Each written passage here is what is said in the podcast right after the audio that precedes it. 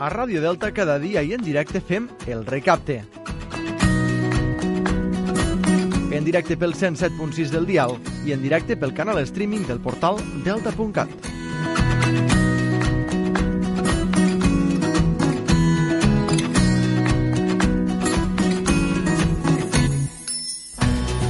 Bon dia, és dijous 6 d'agost, un dia que cada any en remet a la Segona Guerra Mundial, en concret al moment que els Estats Units van llançar una bomba atòmica sobre la ciutat japonesa d'Hiroshima, que va significar l'inici del final de la guerra, avui fa 75 anys.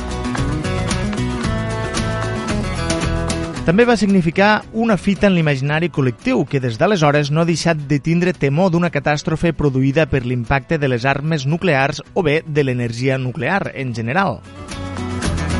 Per exemple, les esgarrifoses imatges de l'explosió de Beirut d'abans d'ahir ens van tornar inevitablement aquelles imatges de l'explosió nuclear del 45, com d'alguna manera també ho va fer l'explosió de la planta petroquímica d'Icoxe a Constantí.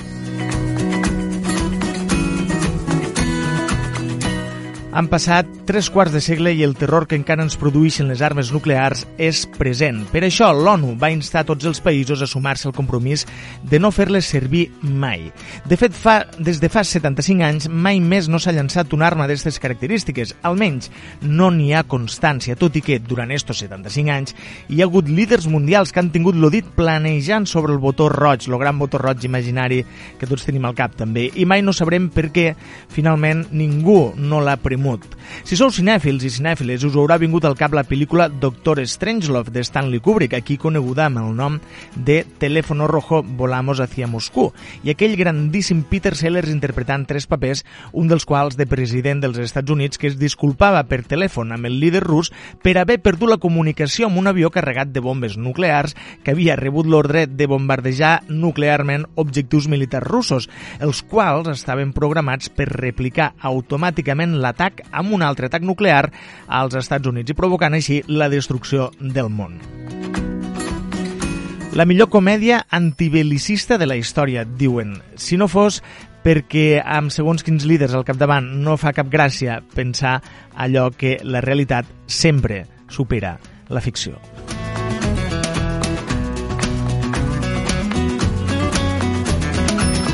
Bé, avui és dijous 6 d'agost, felicitem a Tomàs Fosc pel seu aniversari i ens disposem a arrencar el programa d'avui que dedicarem a la música i al cinema de base científica, perquè ens visitarà la professora de Biologia Laura Bonet per parlar sobre què hi ha de real i què d'imaginari en algunes de les millors pel·lícules i sèries de ciència-ficció que coneixem.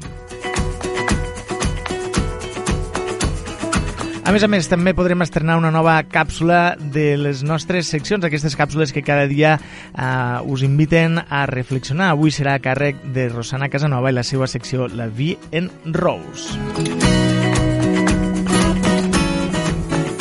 Ara sí, benvingudes, benvinguts, comencem el recapte.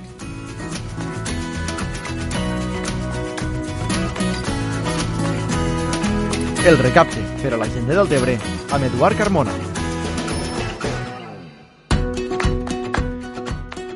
I el recapte, la manera que triem sempre per començar és a través de la música, de la bona música. Avui, eh, vaja, la música que relacionem amb el dia en el qual ens trobem, amb alguna efemèride succeïda aquest dia. Avui és 6 d'agost i el 6 d'agost de l'any 96, del 1996, los Ramones van oferir el seu últim concert oficial al Palace de Los Angeles, Estats Units.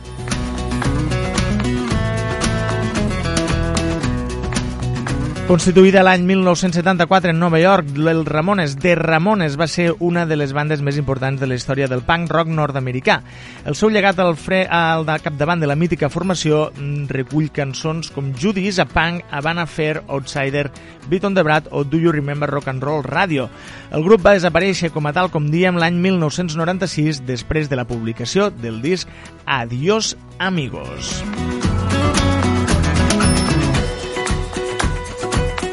Avui, per començar el nostre programa, hem triat una de les cançons mítiques de la banda nord-americana Los Ramones, aquesta Xina is a Punk Rocker. One, two, three.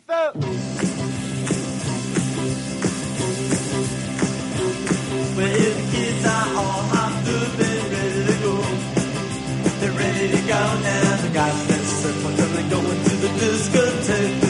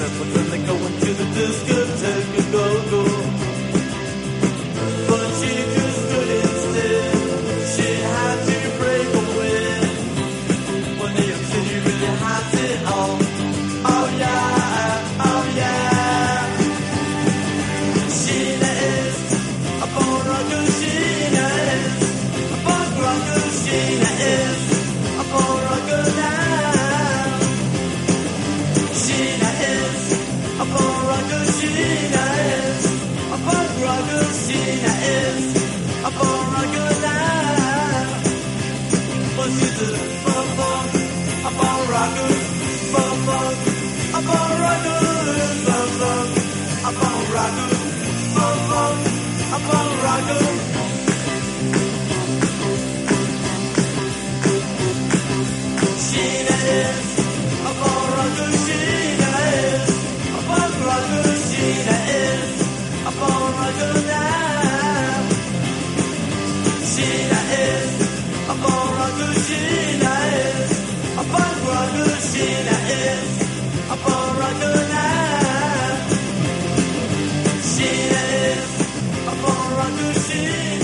Xina és a punk rocker, Xina és una cantant, una música de punk. És aquesta cançó de los Ramones amb la qual hem volgut començar avui el nostre programa i també serà amb aquesta cançó amb la qual donarem pas a la càpsula del dia. Una càpsula, com dèiem, avui a càrrec de Rosana Casanova i la seva secció La Vi en Rose. Avui la càpsula porta per títol Regalar-nos moments. Tot i les incerteses i els dubtes, canvis constants i 50.000 whatsapps per posar-nos d'acord, mos plantegem un grup d'amigues trencanyeres viure un trosset de l'estiu 2020. Mos coneixem de fa molts anys, i és que quan ets de poble, les relacions i les amistats se remunten a edats prehistòriques. En això, deixo remarcar la confiança. I ja sabeu la dita de la confiança, no? Decidim parar el temps i la rutina per regalar-nos moments compartits en aquelles que hem escollit com a família. Perquè sí, en les famílies passem moments de tot, de pujades i baixades. D'ara t'estimo molt, però demà no em mereixes. De quines ganes tinc de veure's, però necessito este fin d'estar col·locada al sofà. Bé, com estava explicant, decidim viure un trosset de l'estiu i a prop de casa. Però és que mos cal anar a lluny quan tenim el tresor més bonic als nostres peus? Am estimar lo delta com mai, començant els matins en vistes al mar i connectant en la vitamina D que ens dona el sol. Hem gaudit de la companyia de la bona amistat. Ens hem salat cada dia a les nostres platges, buscant aquell raconet apartat de la gent on la llibertat ens ha invitat a passar. Hem tingut la sort de dutxar-nos en la manguera fora al carrer i d'estar sense roba a l'exterior, on ningú mos podia veure. Ens hem estimat cada part nostra, cada cos, cada forma, cada curva, cada color de pell, cada diferència que ens fa ser persones úniques.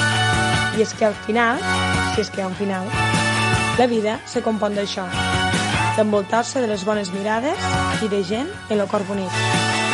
Regalar-nos moments hauria de ser una assignatura obligatòria.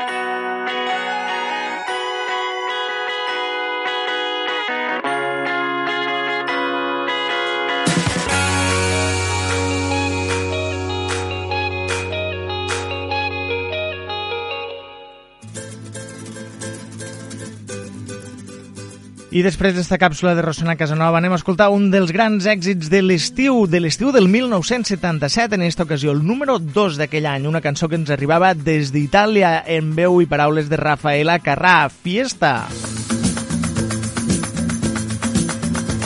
Desde esta noche cambiará mi vida, desde esta noche, desde esta noche.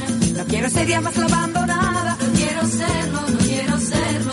Cuántas lágrimas he derramado, cuántos besos he desperdiciado. Él decía que era culpa mía, ya no la veía su libertad. Yo le dije, si no estás tú, ¿qué voy a hacer si no estás tú? Y he sabido que es peligroso decir siempre la verdad.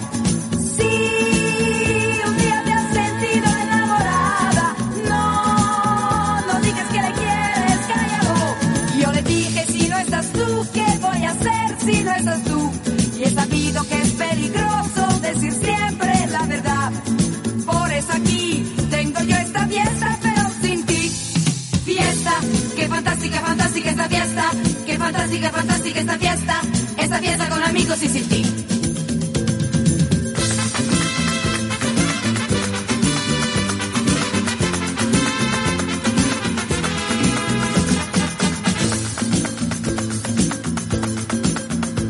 En esta noche me siento contenta. En esta noche, en esta noche. Ha aparecido lo que yo esperaba.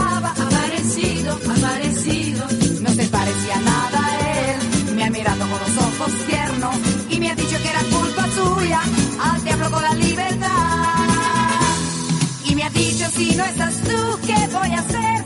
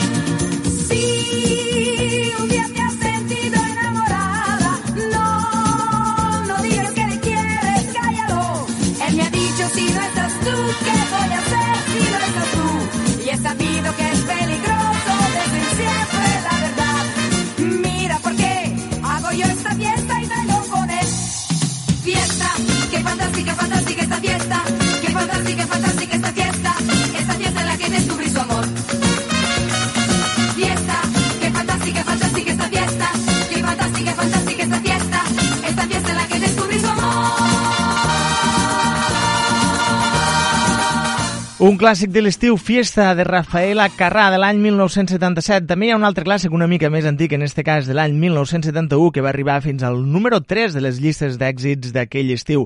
Era el rei de la rumba Peret, amb un tema que coneixeu, Borriquito como tú. Por fin, la humanidad llora, llora, llora. El borriquito como tú, que no sabe sin la borriquito como tú, tú, yo.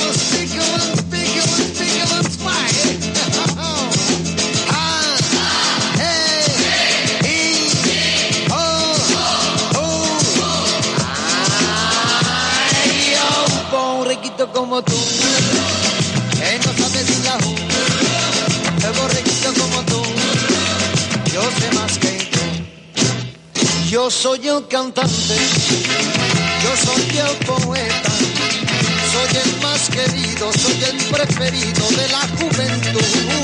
Con solo seis letras, hago mil canciones y todos aplauden con gran entusiasmo mis inspiraciones. Le canto a la chica, canto al tabernero, canto a la portera, canto a lo que sea, canto al mundo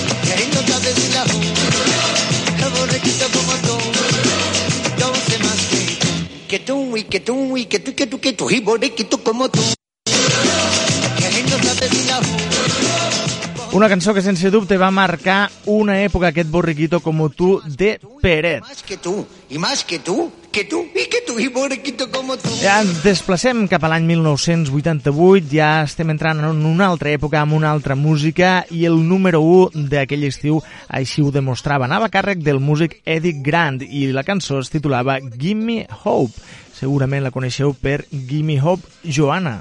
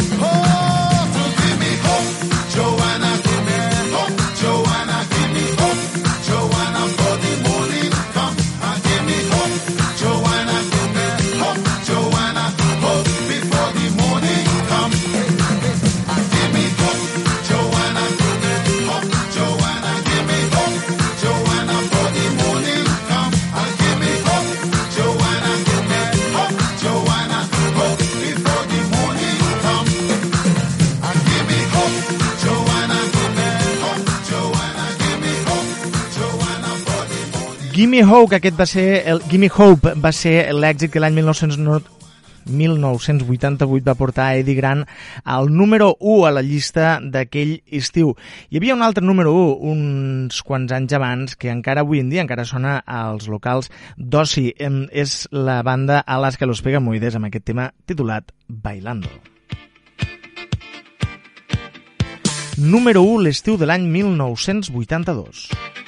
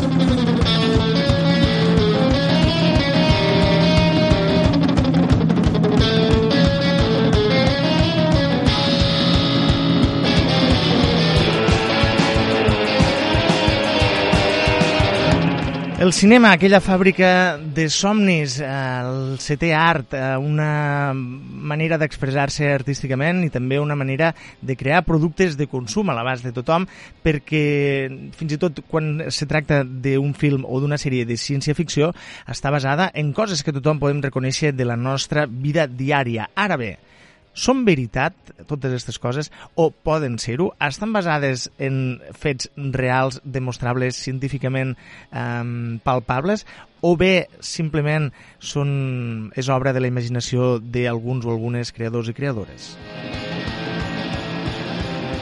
Avui parlarem de tot això amb la professora de Biologia, Laura Bonet, a qui, donem la benvinguda. Laura, bon dia. Bon dia. Benvinguda. Benvingut. Gràcies. Sí, benvingut jo també, Sí, no? tu també, tu també. Benvingut. Avui parlarem de ciència i de cinema. És així? Sí, sí, avui parlarem de ciència i cinema i com és la ciència que ens mostra el cinema. A mi, per a començar, m'agradaria nombrar una frase de, de Godard, que és un cineasta francès del segle passat, que diu que el cinema és el frau més bonic del món. Ep, parem un moment. Ell ja, ja entra dient que, que això és mentida. Sí, sí, utilitzo la paraula frau. O sigui, un frau és com una mentida molt grossa, podríem dir, perquè tothom entengui. Sí, sí, no però- és només una mentireta de dir... Mm, Mm, bueno, jo trobo que he utilitzat aquesta paraula per entrar de clau ja i, i que la cosa Mhm. sorprengui. A veure, eh, sí. A veure, la veritat és que el cinema no deixa de ser un art i com a art doncs, és una representació de lo real o de la forma com voldríem veure el món, no? Qui no ha pensat mai en viatge al passat? Tu, tu això no t'ha passat mai pel cap, Eduard? sempre, viatge al passat? sempre. Sempre. És, una, és un somni recurrent, no? Sobretot quan dius, ostres, que ara m'agradaria desfer allò que vaig fer o fer allò que no vaig arribar a fer, no? O comprar el bitllet de loteria que saps que guanyarà. Per exemple. Mm. O, bueno, no sé... mm, O conèixer algú que, que, quan, que durant la teva vida no vas poder conèixer. O no conèixer l'Eduard. O no conèixer-lo. Tornaria al passat i diria, no, en esta persona no. Intentaré evitar-ho, no? De, sí, correcte. Clar, aquí ens trobem que quan viatges al passat, segons moltes pel·lícules o sèries, tot allò que fas sempre, o sigui, és norma que quan viatges al passat no pots canviar res. Sí, després ne parlarem d'això. Vale. Després ne parlarem. No em vull Sí, avançar. sí, sí. Doncs No, una no, mica, deixa'm fer un petit incís, un dels primers viatges al passat el tenim amb una novel·la de Charles Dickens, eh, El conte de Nadal, no? que el protagonista viatja al passat i aquí Charles Dickens, d'una manera molt científica, ja va fer este viatge en plan, mira però no podràs tocar. Sí, sí, molt bé. De, de, quina, de quin any és, aquesta novel·la? A finals del 19, diria. Molt bé. Sí, no, no ho sé exactament, però mira, t'ho puc buscar en un moment. Mentrestant, si vols anar seguint en el programa. Sant Google. Bueno, eh, a veure, a mi me passa que sempre que em pregunten bueno, i tu què fas? Tu de què treballes? No, pues jo soc professora. De què? De ciències. Tothom me fa... Puf, a mi les ciències, o sigui, jo les odiava. Les ciències són el pitjor. És un clàssic. És un clàssic. Jo sempre els contesto que això és perquè no em tenia la vida de professora. Però bueno, bromes a part. Eh, això a mi me fa reflexionar una miqueta, no? Perquè penso, hòstia, de norma a la gent la ciència no li agrada, però després resulta que les pel·lícules de ciència-ficció sempre són les més taquilleres. I si no, doncs, bueno, tenim Avatar, tota la saga de Vengadores, no? que han sigut de les pel·lis més taquilleres de la història. Així és. A veure, jo mm, reflexionant una miqueta he pensat, bueno, segurament una pel·lícula sobre científics investigant doncs, les propietats lumíniques dels làsers no seria molt taquillera. Però, D'entrada, dius, no. mm, mm, però si apliquem aquestes propietats de la llum per a construir l'espasa làser de Luke Skywalker, la cosa canvia. Epa!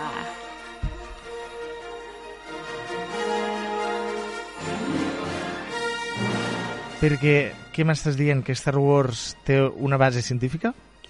Bueno, de Star Wars ne parlarem.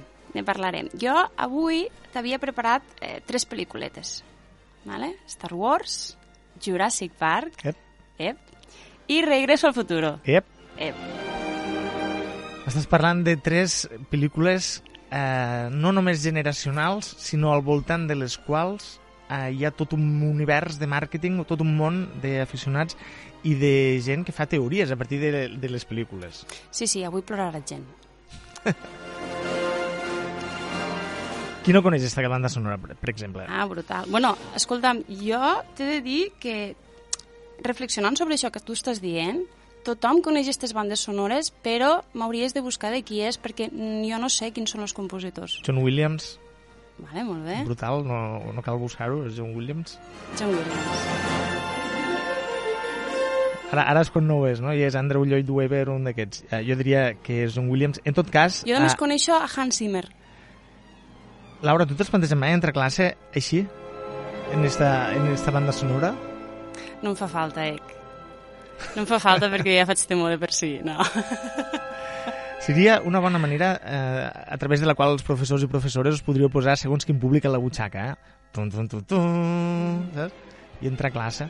I dir, hola, bon dia, avui parlarem de propietats lumíniques. De l'espasa làser de Lucas. Skywalker. Bueno, a veure, eh, t'he de dir que, que la ciència necessita d'una didàctica i necessita de fer-la engrescadora i, i interessant, no? I això és una mica potser el que ens fan aquestes pel·lícules, tot i que ens presenten una ciència de vegades falsa. No? Hem parlat de frau, hem parlat d'errors... Podríem dir, però, que tot i ser falsa, sí que es basa en un principi de, de coherència, de versemblança. És a dir, tu, d'alguna manera, tot allò té lògica. Sí, té lògica i a més ens ho expliquen d'una manera que fan que diguéssim, hosti, sí, sí, Sí. sí, m'ho crec. Com no ho havia pensat perfecte, abans, Com no? no ho havia pensat abans, és perfecte. A veure, mm, jo estos dies reflexionant sobre això, no? m'ha vingut al cap una, una pel·li que crec que la van, la van passar fa, durant, durant estos dies de confinament no? a la tele, uh Mhm. -huh. que és Guerra Mundial Z. Jo no crec que no l'he vist, no estic segur. Diria que no. Vale, doncs t'he de dir una cosa. Eh, la gent Alerta que- spoiler, alerta sí, spoiler. la gent que em coneix sap que jo peco, peco sempre de fer spoiler. Per tant, Alerta spoiler, comenceu a tapar-vos les orelles si no voleu saber com, com acaba Guerra Mundial Zita. m'has de parar si veus que m'extralimito. Vinga. Vale? A veure, Guerra Mundial... No, Ah, no, va. Guerra Mundial Z és una pel·lícula que parla sobre una pandèmia mundial, un virus, ¿vale? Mhm. però en este cas és un virus que dona propietats zombis. ¿vale? Zombis. Zombis. La pel·li va de zombis. Però és una o sigui, pel·li... la Zita és de Guerra Mundial Zombi, Zombi, suposo. Mira, no ho havia pensat mai. Jo pensava que era Z de... de bola de drac. No, no, de final. Ah, també? It's the final countdown. Podria ser. Eh, jo havia reflexionat, bueno, havia, m'havia vingut al cap aquesta pel·lícula, no?, perquè a la pel·lícula, bueno, hi ha esta, esta pandèmia, este virus, no?, que han de buscar una cura, com, com està passant ara, i, alerta spoiler, el científic que ha encarregat de buscar esta cura, esta... Un, eh? Atenció, perquè les Un. pel·lícules normalment és un científic. Sí, un científic jove i guapo, però que se'l carreguen al minut 1. Spoiler 1. Spoiler 1. Però minut 1 tampoc. Bueno, en el minut 1 tampoc, però... Vull dir que tampoc no passa res si diem que passa ah, el minut 1. Ah, sí, no, no, no. Sí. I, bueno, és, és, és lo, lo meu amor platònic, Brad Pitt, qui Mhm. s'encarrega de trobar esta cura i de viatjar arreu del món buscant una solució, no? Llavors jo pensant, dic, hòstia, tio, vull dir, quina visió més, més endolçada, no? No sé si seria així, perquè ja us dic jo que si, que si finalment troben una vacuna per al, per al Covid-19 mm, no serà un Brad Pitt viatjant per tot el món, Ni una serà, persona. Ni una persona, vale? serà el treball conjunt de molts científics, molts de dies al laboratori, els laboratoris no són puestos guais, no tenen vistes mm, a lo verde, com les oficines de Google, llum de fluorescent, molts, moltes hores treballant i, i sense trobar res.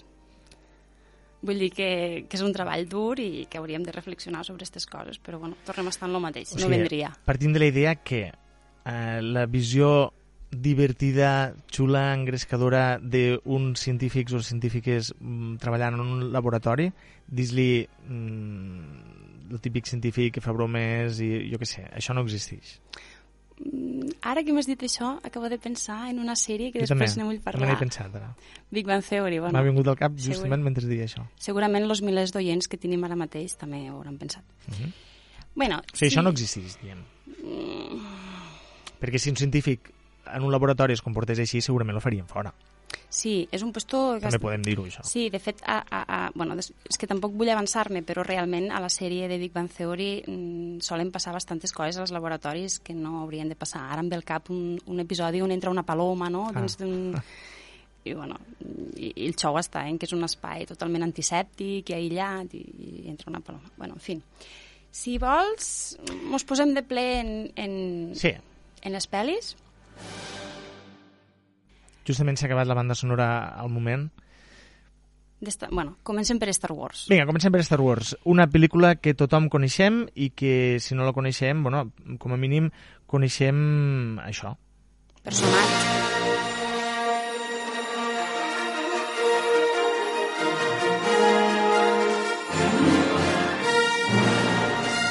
Comencem per el començament, tal com comença la pel·lícula en esta banda sonora, en unes lletres grogues que us heu d'imaginar eh, en forma de piràmide tirant cap amunt i explicant que la galàxia està en guerra. Correcte, correcte. Star Wars. Una guerra de... Una guerra intergalàctica que fa milers d'anys que, que dura, no? La Mm. república contra... En fi, contra la monarquia. contra la monarquia. Sí, mira, mira quin munt de És- paral·lelismes, tio. és avui com la dia. vida real. Això n'he fet expressament. Bueno, a veure, eh, abans de començar, i vull fer un petit incís perquè jo crec que he triat pel·lícules molt noventeres.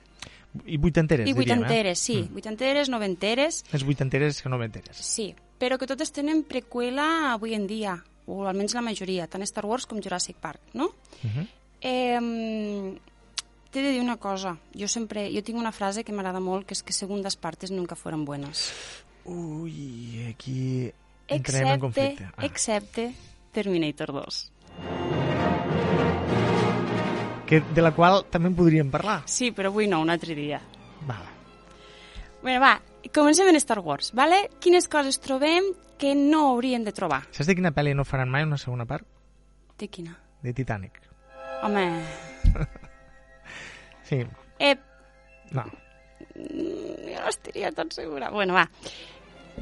Quins fakes, quins errors trobem a Star Wars? O sigui, tu ja partisses del punt que Star Wars té errors. Sí, Sí. té molts deserts. Té allò que en cine se'n diu boopers. Ah, això, este terme el desconeixo, Blo- bloopers. però... Sí, segurament. Vinga. Coses que passen que no haurien de passar, ¿vale?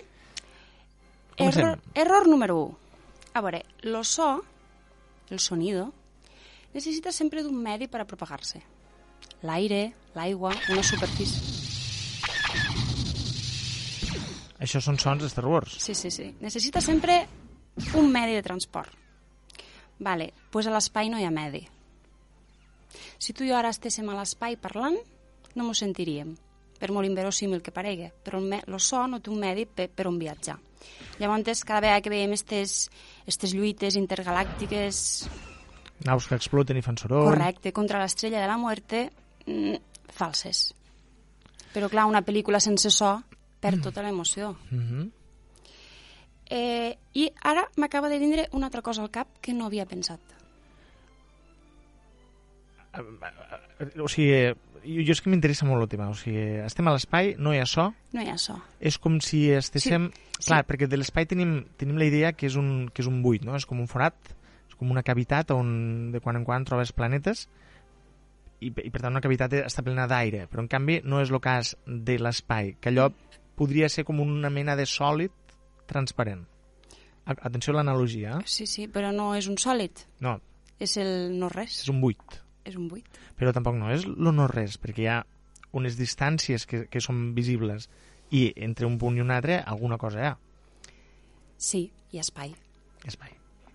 I podríem trobar alguna matèria, partícules en pols, procedent d'algun meteorit o cometa que hagi, Mhm. que hagi estallat, però no hi ha un medi on se pugui propagar el so.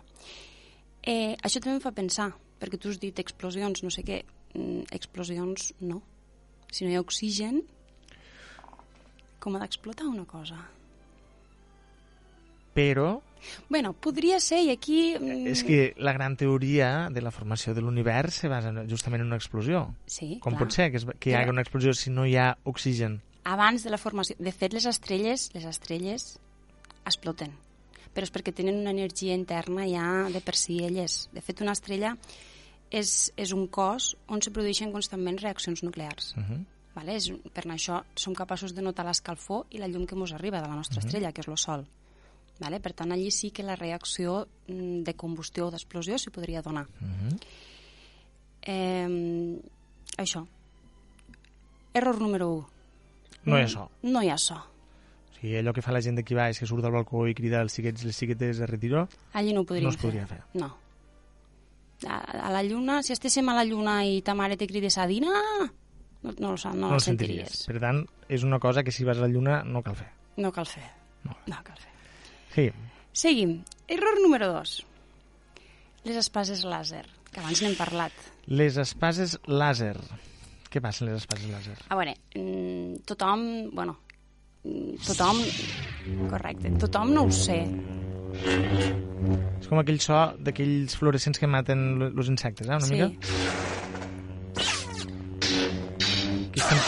estan pegant, no? Sí, sí, sí, sí, sí. Batalles de... Sí, els Jedis, lo típic era la batalla en espasa làser, Que vale? quan s'obri, quan engegues el sable, que perquè l'engegues, Sí, sí, eh, fas aquell soroll mític de... correcte. Qui no ha pensat o ha jugat mai a fer una batalla en espasa làser? Bàsic fer el soroll. Bàsic, fer el soroll, sí. Veus el que estàvem dient? Del soroll és totalment necessari. Zrrrng, zrrrng. Si no hi ha soroll, no hi ha emoció. Doncs pues bueno, eh, les espases làser eh, a la vida serien impossible, perquè el làser és llum, i la llum està feta de fotons. Fotons. Fotons. Que no és una foto molt ben feta. No, no, Allò, un foton. No. no. Un foton és... són les partícules que formen la llum, ¿vale?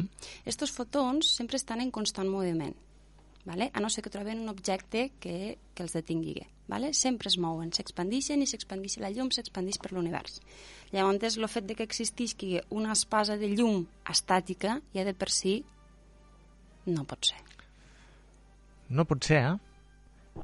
Home, a veure, és com tot, pots deixar volar la imaginació i pensar que alguna tecnologia mm, Però si, avançada...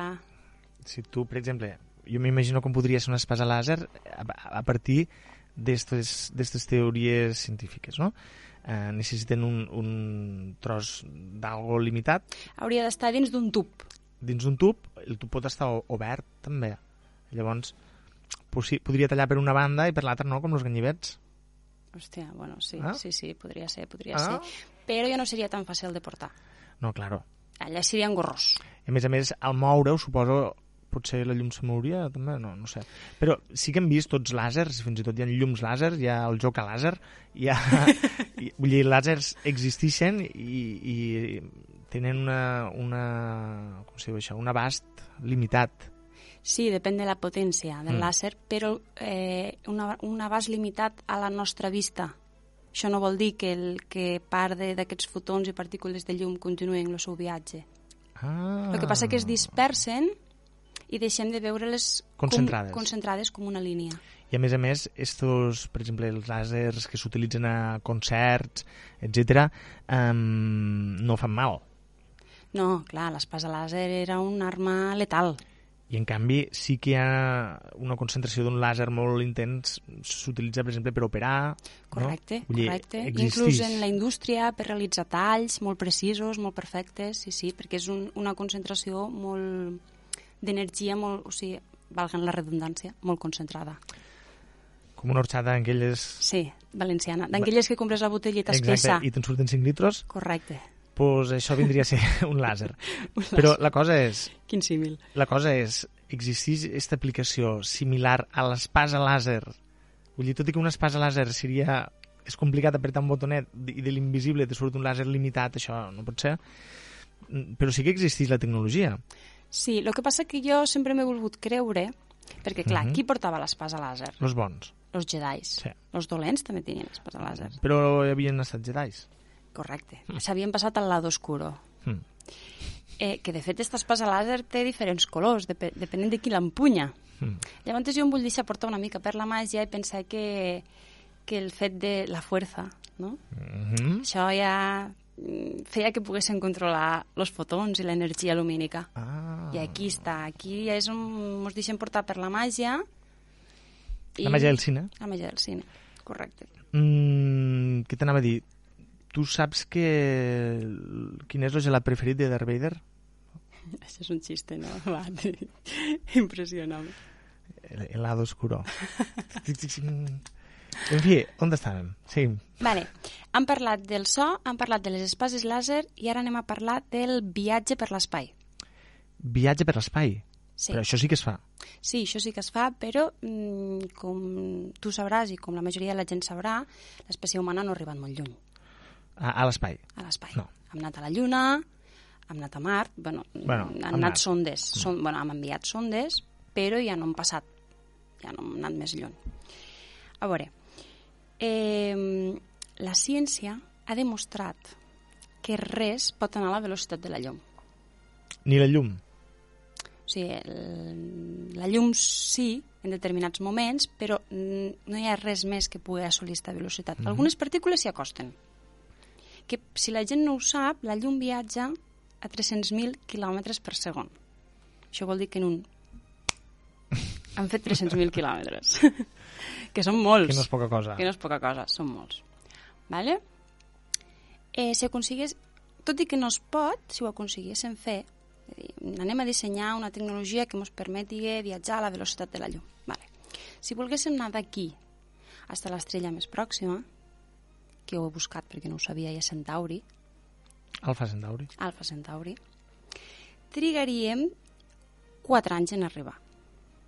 Les distàncies de l'univers són molt llargues. I encara que vagis molt ràpid, 4 anys en arribar a l'estrella més pròxima anant a la velocitat de la llum. Suposant que un cos humà o de qualsevol pugui suportar aquestes velocitats. Pugui suportar el salto quàntico, que estem acostumbrats a veure a les pel·lis. Hi ha una sèrie que es diu així també, a més, molt interessant. Salto The quàntico, Quantum Leap, veus? una sèrie dels 80, que també en podíem parlar. Sí, i de Doctor Who, Who? o Q, o... A mi m'agradava molt. bueno, per tant, per anar... o sigui, és impossible, no pots anar a la velocitat de la llum. és impossible i encara que hi anéssim trigaríem molt perquè les distàncies a l'univers són molt llargues vale? eh, de fet anar de, mm, de punta a punta de galàxia la nostra galàxia és la Via Làctia vale? mos costaria la friolera de 200.000 anys de viatge A la velocitat de la llum. a la velocitat de la llum vale? i mm, bueno, a les pel·lícules en Star Wars i a la majoria de pel·lícules que estem acostumbrats a, i acostumbrades a veure de l'espai pues estos viatges los fan en minuts no? Mm. De fet, bueno, Han Solo tenia l'halcón milenario. que tenia la capacitat d'accelerar allò que dius quan hi havia l'R5 tenia el turbo, no? Correcte. Pues li poses el turbo, Lo que nitro, lo nitro. és, que és uh, saltem a l'hiperespai, no? Correcte, saltem a l'hiperespai. Què és l'hiperespai? Això no ho sé. Jo crec que l'hiperespai és un concepte que s'han inventat les pel·lícules de ciència-ficció. Oh, M'encanta. El hiperespacio. Però sona tan bé, Clar, sona tan bé. és com si d'alguna manera poguessis fer més minut l'espai per a tu, sense haver d'anar més ràpid, avançar més, no? Hòstia, molt bé, Eduard. Per ser aquests de lletres, Sí. està m'agradat. Està m'agradat. És hiperespai. Està ben a punta de l'hiperespai. Sí, però a vegades hi ha coses que sonen millor en castellà. Tot i que ara tu potser t'enfadaràs, però A mi me sona igual. com que estem acostumbrats a sentir un castellà, a mi l'hiperespacio em sona com molt més Sí, no interessant. sé. És que, clar, tu ets, ets més jove, no, no recordes un programa que feien a TV3 que es deia Videoshock, que parlava de videojocs, i sempre sortia la paraula hiperespai. Llavors, era com... Anem, ens trobem a l'hiperespai, no me'n recordo quina frase era, i, i sempre, claro, la gent d'aquella generació la tenim molt més acceptada que Star Wars que hi ha Wars, que jo no la vaig veure fins que vaig tenir els 30 anys. per. Bueno, doncs, mm, feina et dic, perquè a més a més Star Wars, per a qui no ho conegui, està contada totalment desordenada. És, és a dir, les primeres pel·lícules eh, parlen de, de coses que succeeixen al temps mm, després, no? No sé si, si la gent m'entendrà. Un altre dia ne parlarem d'això perquè al final és igual com se conti una història.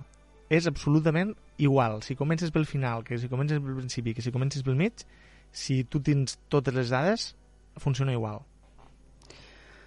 Trobes? Sí, és com allò de quan agafes una paraula i deixes les vocals al lloc però canvies les consonants. Tu entens que, quina paraula és. Sí, però te costa més. Mm, No? mm, mm. Em sembla que hi ha un procés mental, que no me'n recordo com s'hi diu, que fa que tu puguis llegir-ho com si allò estigués ben, ben Sí, escrit. estos típics textos que, textos que et fiquen de... La paraula groc de color verd, et diuen, digues quin color és, no? O, o estos textos que fan de com lee un disléxico, Exacte.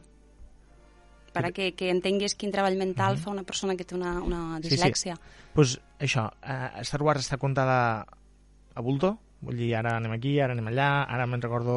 Com quan un crió t'explica una història. Exacte, que al final també és la gràcia, crec, perquè tu fas una miqueta l'esforç i vas, vas quadrant coses. Sí, és una, una mica la característica de Star Wars, d'estar-la mirant i dir ah, claro, perquè este és...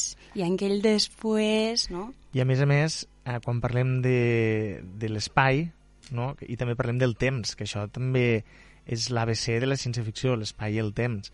L'espai i el temps són el mateix o no? De fet, crec que més, a- més avant parlarem d'una sèrie que hi ha una frase que és la pregunta no és uh, quan, sinó on. On?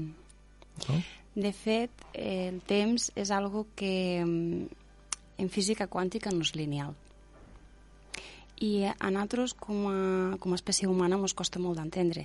Has de fer una extracció metafísica per entendre aquest concepte, perquè el nostre temps és lineal. Naixem, ens fem grans i morim. El temps té un principi i té un final. És molt complicat d'entendre que, que el temps al món quàntic no és lineal i que fluctua. Però bueno, això mm, parlarem un altre dia. Això és... Quin munt de coses hem de parlar un altre dia. Les són dos. Sí. Seguim. Seguim, va. Si vols, entrem ja directe a Jurassic Park. Jo, com que falten 3 minuts per anar a escoltar les notícies, quasi que abans d'atacar Jurassic Park, que, que tenim... Que és... és, és, sí, és... Hem de dir un parell de coses de Jurassic Park, per, per, sobretot pels aficionats als terràriums, i, i, i, vaja, jo crec que acabaria, mataria lo de Star Wars en el tema, en la pregunta que ens fem tots, no? Si no podem viatjar a la velocitat de la llum, si per anar a l'estrella més propera que vaja, que anar en una estrella tampoc no té massa sentit, no? Perquè representa perquè que si és, és com un però sol, sí. no cal anar en una estrella, no? No, no, no. no. Uh, però en un, se parla molt dels viatges a l'espai eh, so, seran possibles, no seran possibles se parla molt de les veles solars que és una cosa que a Star Wars no surt a Star Wars les naus en què funcionen també és una cosa que ens podem plantejar Jo sempre m'he imaginat que funcionen en energia nuclear. energia nuclear Sí, però no, no fusió, sinó fissió. Ai, perdó, no fissió, sinó fusió.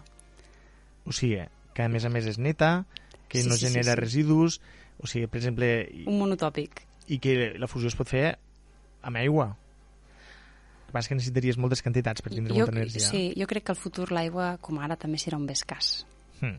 I... Per tant, en què hauria d'anar una nau espacial? La nau de Han Solo, el Falcó Milenari, en quina energia va? En fusió, però de què? Jo sempre m'he imaginat que és urani, perquè és la cosa més... o, o, o en el seu defecte, un element radioactiu. Però, clar, això són coses que tampoc t'expliquen perquè s'estudien no, una mica haver de donar explicacions que no, que no calen, que a la gent no li interessa en què funciona la nau de Han Solo.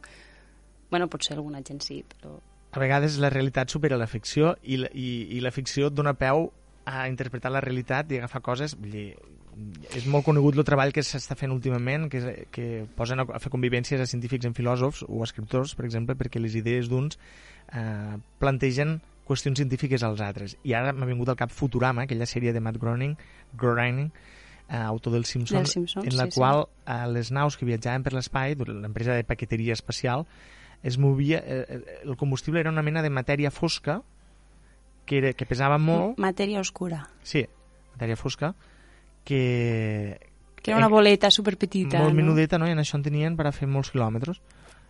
I, dir, això podria ser possible, alguna cosa així. Un trosset de forat negre, no? Allò que l'agafes i dius... Sí, sí, sí, sí, suposo que sí, però de fet estem molt, molt lluny, jo crec, d'aconseguir totes aquestes coses. De fet, jo crec que va ser aquest any que per primera vegada es va aconseguir fotografiar un forat negre, Sí, sí, sí, sí. sí.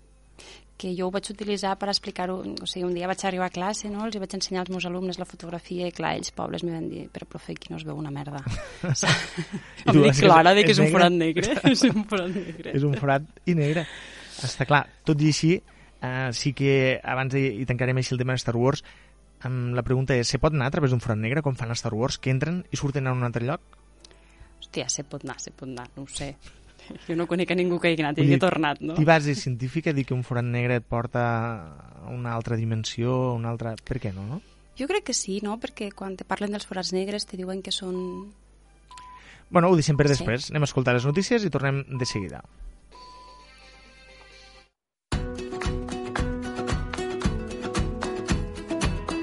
A Ràdio Delta cada dia i en directe fem el recapte. En directe pel 107.6 del dial i en directe pel canal streaming del portal delta.cat.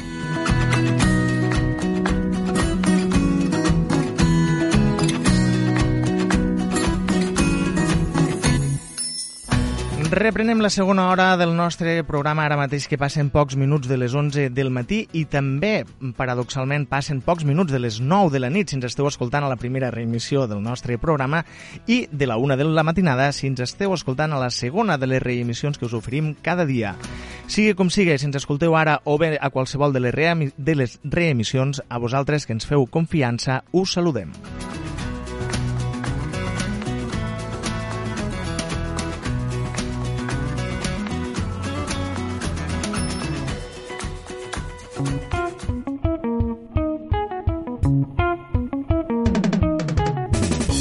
Reprenem la secció amb la qual parlàvem de cinema i ciència i ho fem amb Laura Bonet, professora de Biologia de l'Institut Ramon Barbat i Miracle de Vilaseca, però eh, veïna de Camarles. Laura, bon dia de nou i benvinguda.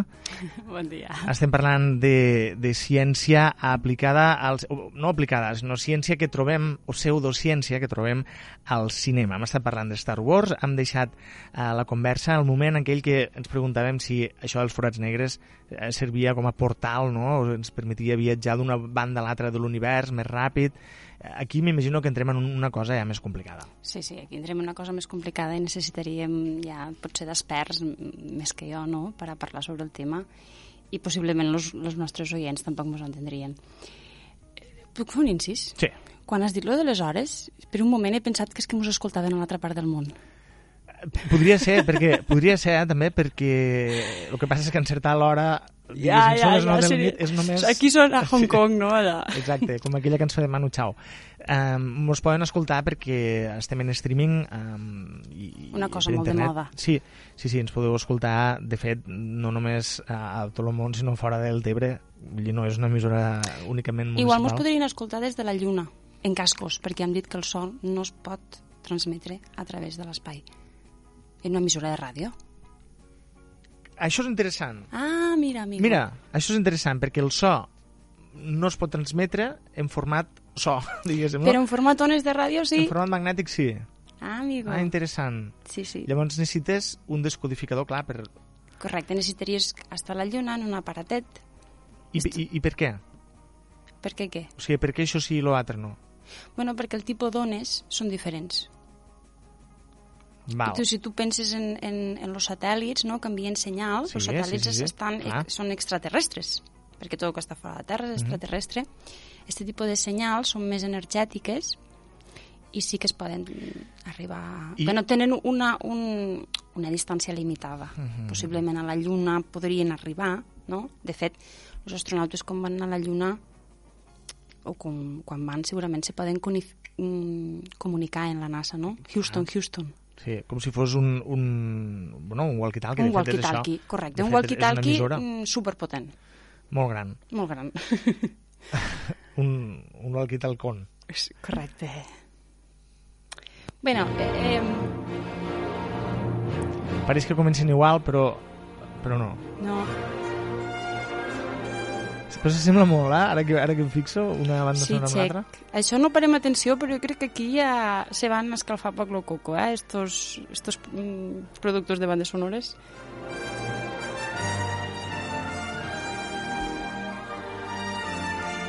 Una banda sonora inoblidable, així comença uh, un dels grans films de...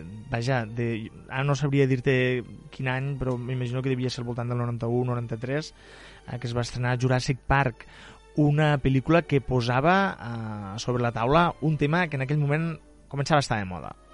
Sí, sí, jo crec que sobre els 90 i algo perquè recordo anar-la a veure al cine. I- I... De fet, tinc un record brutal. La música... Eh, los espectadors més joves, mm, possiblement, si la, si la miren ara, diran, bueno, pues és una pel·lículeta que està bé, no sé què, però en aquella època... Avui en di- 1993. 93.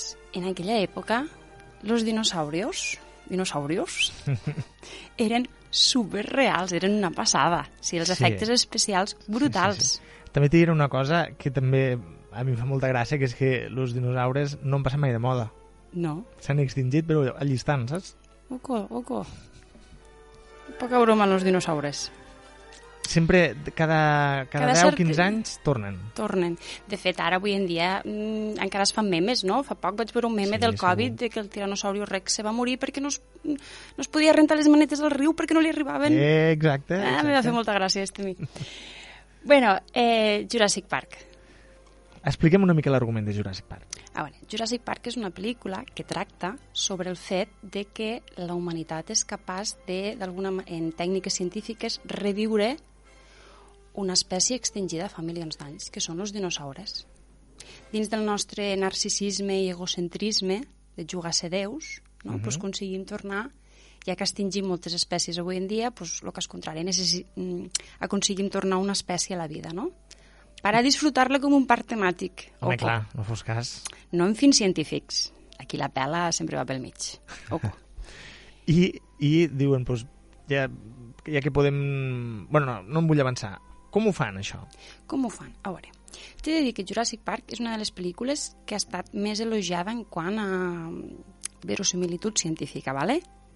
De fet, jo, bueno, jo crec que tothom ha vist Jurassic Park, no? O no?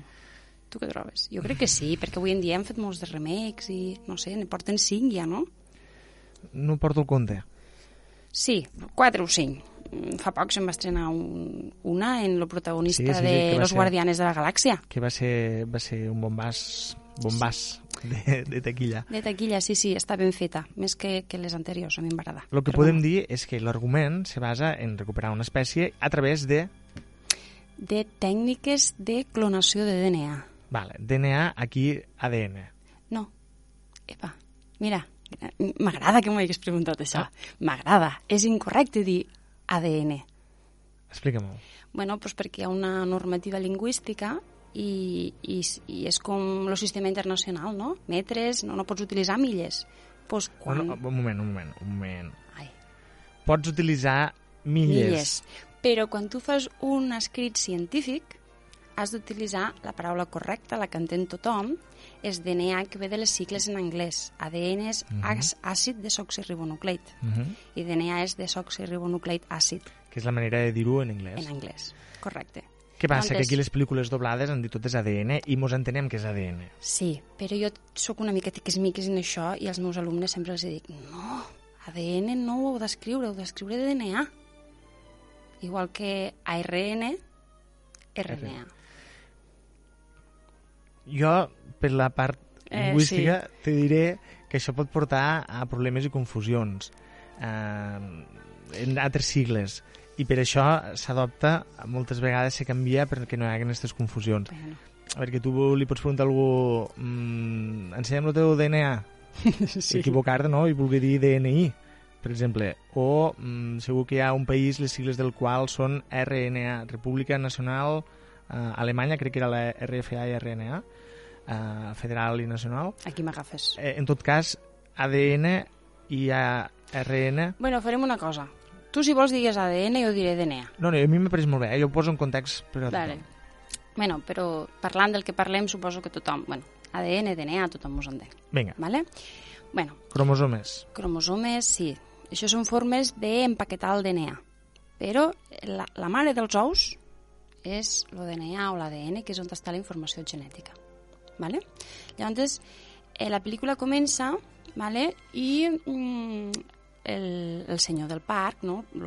L'amo, explica als, als, als visitants que venen, que són els protagonistes de la història, uns científics uns nens, no sé què, com han aconseguit eh, obtenir els dinosaures i ho fa d'una manera superdidàctica i super... Bueno, ho fa tan bé que tu creus.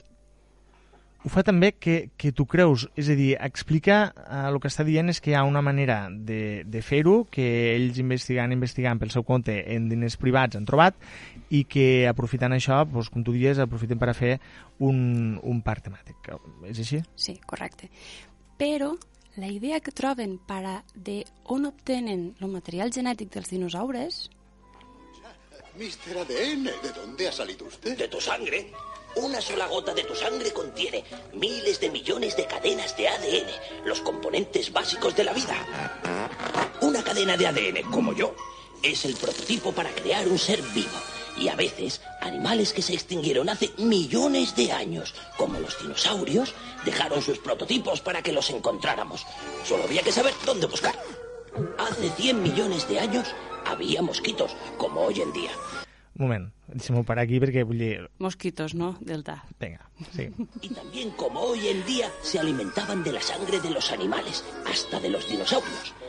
A veces, después de picar a un dinosaurio, el mosquito aterrizaba en la rama de un árbol y quedaba atrapado en la savia. Con el pa- El mosquito, jo crec que aquí podem fer un parèntesi. Dos coses. Primera, si eh, diem lo dels mosquits i del Delta, per si algú té una, una iniciativa privada vol fer un Jurassic Park al Delta. Que no ho faci perquè No, ja sabem jo, com jo acaba. acabo de pensar una cosa, acabo de pensar que si la humanitat s'extingeix i d'aquí milions d'anys hi ha un altre organisme superior, intel·ligent, hòstia, segurament les persones que cloraran seran d'aquí baix, tio. No cloraran manyos ni alemans, cloraran gent del delta, tio. No Serà- saben la que les viene encima. tot, tot el món serà gent del Delta i, i, i vietnamites. Ah, també, també, També, eh? allà també Parlem n'hi ha, del Delta del també n'hi ha. Mekong, també n'han d'haure 4 o 5 de mosquits. Jo crec que acabarà malament, igual que Jurassic Park. En tot cas, aquí diuen que los dinosaurios dejan los mosquitos en la savia, Correcte. eh, la, sa la, la saba se... Solidifica. Sí, bueno, sí i no. No, no totes les saves se solidifiquen, no, eh, necessiten uns, uns processos també eh, físics eh, molt forts, no? Calors, calors correcte. freds i molt contrastats d'un moment en un altre, i llavors eh, la, la saba, la resina, no? fa, fa allò, l'àmbar, no? que es diu l'ambre, que no confondre en l'ambre castellà, en català àmbar es diu ambre, i all- allò preserva com si fos, imaginem una mel, no? com si fos una mel, eh, que entra qualsevol cosa atrapada a la mel s'embolcalla per la mel, no deixa passar l'oxigen, l'oxigen és el que fa que es corrompiguen els teixits, no? i per tant se preserva allí com si fos un congelador.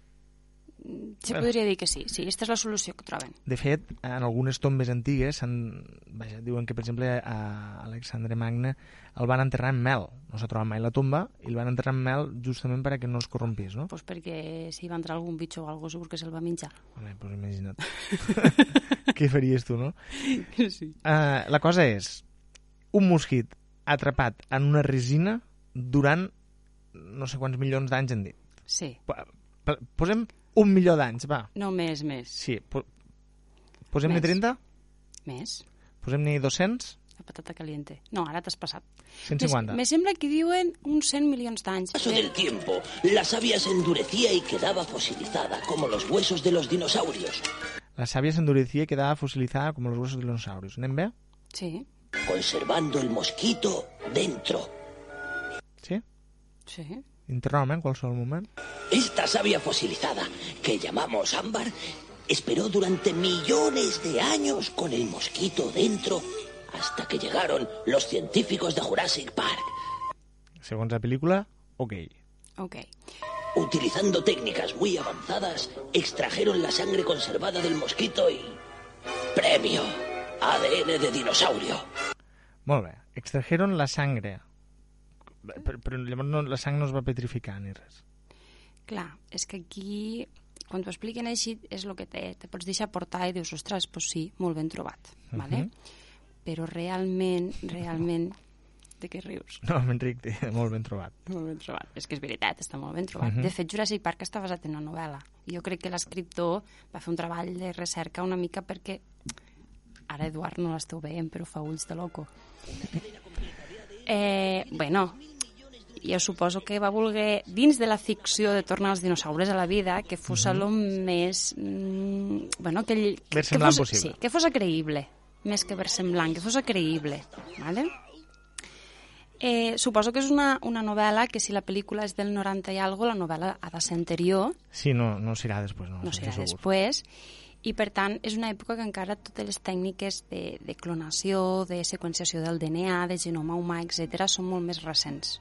Vale? I per tant, doncs, en aquella època, en aquell home, mm, jo crec que li va parèixer que allò estava bé, i de fet, de fet, te, te ho podria arribar a comprar, està bastant bé. T'he de dir, però, que el DNA és una o l'ADN és una estructura bastant inestable. I tot i que quedi petrificat dins de l'àmbar, conservat, fora d'agents externs, com pot ser un agent oxidador, com l'oxigen, etc., tendeix a desintegrar-se molt, molt fàcilment Per ell mateix. per ell mateix. Vale? Llavors, aquí hi ha dos coses que jo he pensat. Vale? Una, que el DNA se mm, desintegra, la seva estructura se veu molt afectada. De fet, avui en dia trobem mòmies en un estat de conservació, els teixits, tot està molt ben conservat, i el DNA no. Ah, és a dir, clar, això és una cosa que molts no sabem. Tu trobes una mòmia i, i ja està, els teixits estan allí. Cabell, ungles... òrgans, eh, Sí, inclús poden trobar, arribar a trobar òrgans. però allí no hi ha ADN. N'hi ha molt poc, o, o només el que ha quedat.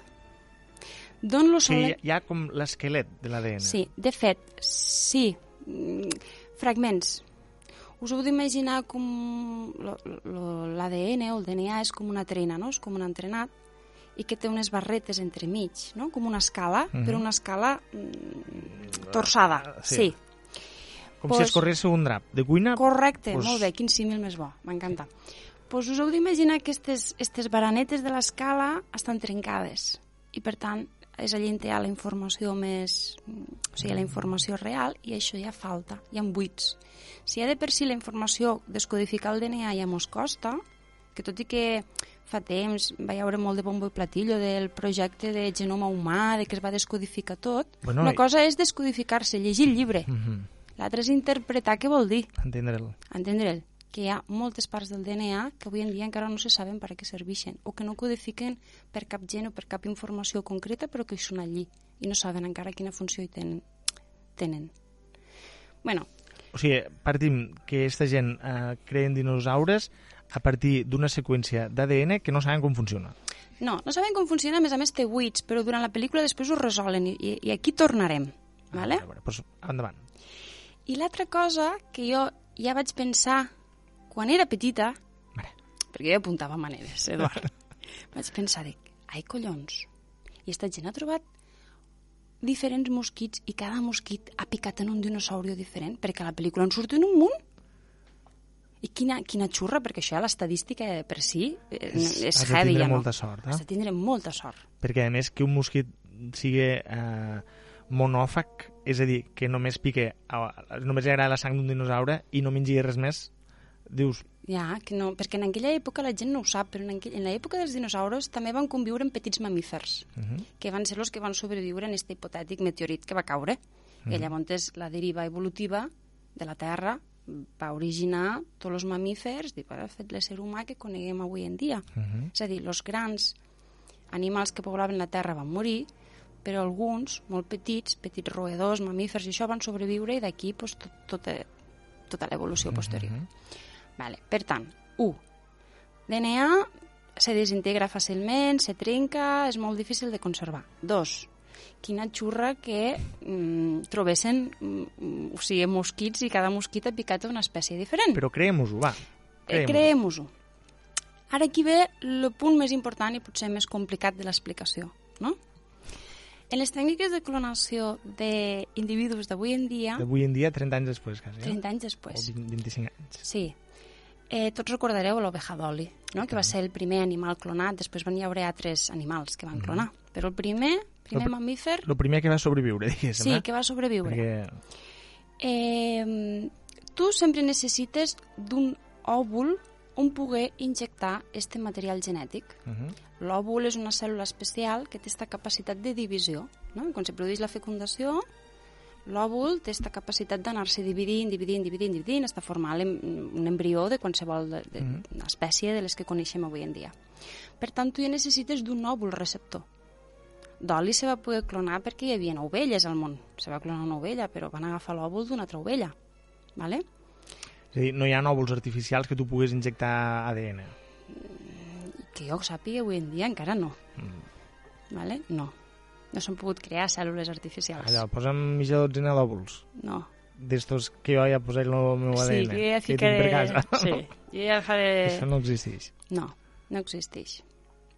Llavors aquí ja de, de, de base ja, fal, ja fallen moltes coses, Mhm. però que és el que diem, vist a la pel·lícula i tot, doncs, tu creus, bueno, hem escoltat l'àudio, un àudio molt ben fet, molt didàctic, A més a més utilitzen tècniques de didàctica, no? Amb animacions Sí. infantils. Surt, bueno, la persona, la cosa que fa l'speeching és, és tipo l'imperdible en aquell del Windows que t'explicava, ¿tienes algun problema? Bueno, sortia aquí, bueno, pues la clonación... I l'altre punt que t'he dit que després tornaríem és que com ells solventen el fet de que faltessin petits fragments de DNA en què los reomplin amb DNA de rèptils i amfibis, Ah, perquè són els parents més pròxims. Que de fet és fals, perquè els parents més pròxims avui en dia dels dinosauris són les aus. Una gallina està més emparentada en un dinosaure que un cocodril. Dis on esta música, que això és la notícia. Primicia. Una gallina està més emparentada amb un dinosaure que un cocodrilo. Un cocodril. Aquí diem cocodrilo. Vale, això va en contra de tot el que veiem a qualsevol pro programa documental de natura quan diuen estos parientes cercanos de los dinosaurios que prácticamente no han evolucionado en millones de años, això no és veritat. No, la línia evolutiva dels, dels dinosaures va cap a les aus. De fet, han trobat les, los espècimens intermijos que, ha, que ja començaven a canviar les escames per plomes. S'han trobat a la Xina. Sí, sí, sí. Ah, mira. És a dir, una gallina té més de Tyrannosaurus rex que, que una sargantana o que un... Pues ara que ho dius, ara que ho dius, si t'imagines un, un tiranosaure corrent, de- los de Jurassic Ah, Park, i les una gallina... potetes, les potetes i tot. Ah, o Ah, ah, pues-. Veus? Sí, sí. Pues bueno, retorno al fil. Van ficar DNA de rèptil i amfibi, perquè hi ha un moment de la pel·lícula que, clar, allí van científics i els diu, esteu bojos. Home, com ho, de, Perquè- com ho de mesclar eh, ADN d'un rèptil, No, no, no, d'un no, no. dinosaure. Sí, si venen de les gallines. La, lu... la locura ve de que ells els hi diuen, ostres, però heu introduït una espècie nova, que no té depredador, com la controlareu, com controlareu la població, no? Perquè això se us en pot anar de les mans, diu, "Xt, En escopetes. una escopeta, sí. Aquí baix ho faríem així, aquí baix ho faríem així. És que no en canonets, en canonets. I en reteres. I en rateres. No, i els diuen, ho tenim tot pensat, només hem creat femelles. Te'n recordes? No me'n recordava, no me'n recordava. Només hem creat femelles i així pues, no se podran reproduir. Això, això passa avui en dia encara quan introdueixen depredadors a altres espècies a certs hàbitats que diuen no, només posarem mascles, per exemple. No, error. Bueno, depèn de l'espècie. Hi ha un moment de la pel·lícula que troben ous i diuen, hòstia, com pot ser que hi ha nous si mos han dit que aquí només hi havia femelles? Llavors el protagonista, que és científic, diu, ah, claro, le pusieron ADN de anfibio y los anfibios tienen la, las, mm, la peculiaridad de, en un ambient molt, molt masculí o molt femení, de permutar, canviar, fer una metamorfosis i canviar a, al, El sexe, el sexe que fa falta. que ja he afegit. I llavors se Uh, suposa... quin problemón. Sí, tio. D'aquí a aquí passa tot. Clar, se'ls descontrola. Se'ls descontrola. Se'ls descontrola. Um, Jo t'he de dir, t'he de dir... És que vull dir-ho, perquè és que... Dis-ho, dis-ho. Jo suposo que a vosaltres també us passa. Quan mireu una pel·li, no us fiqueu en la pell de dir ostres, jo com sortiria d'es- d'esta no? situació? Doncs pues hi ha una escena de la pel·li que a mi encara avui en dia em provoca ansietat, que és la dels xiquets a la cuina en lo velociraptor. Sí, perquè se parla poc de lo mal que pot fer un velociraptor en una cuina. Se parla poc. Se parla poc d'això. Fa molt de caga aquella escena mm, sí, i, sí. i jo recordo la- l'escena de glaçar-se lo, lo que és lo... com se diu això? De les, de les piques. L'alumini Sí, sí, del sí, bao del, del velociraptor. Uah, em feia molta temor. Sí, sí, molta temor. en aquell sorollet. I una cosa que a mi m'ho fet molt de la pel·lícula, que això no és científic, o, bueno, podríem, caldria mirar si és un error o no, és el so dels dinosaures. Estàs tota la pel·lícula escoltant... I això no sabem quin soroll feien. Claro, com reproduir un so que no has escoltat mai. Però això passa molt al cine. Passa molt, és algo que es fa habitual. I més en ciència-ficció. Però això té més de, de mm, satisfer los gustos, no? le- les expectatives que tenim els humans d'avui en dia, que no pas de, de ser fidel a la ciència. Però mm, vivi, o sigui, cre som capaços de crear un drac? I qui ha vist un drac si és un, si és un ésser imaginari? Hmm. Pues algú crea este drac, que és algo que no existeix i se l'imagina. I li fa tot de detalls, i li fa escames, i li fa el color està dels ulls, etc etc. El cine és, és, és un lloc on creem moltes coses que no hem vist mai i no existeixen. I aquí entra un paper molt important tot lo de postproducció i efectes especials. Això és molt interessant.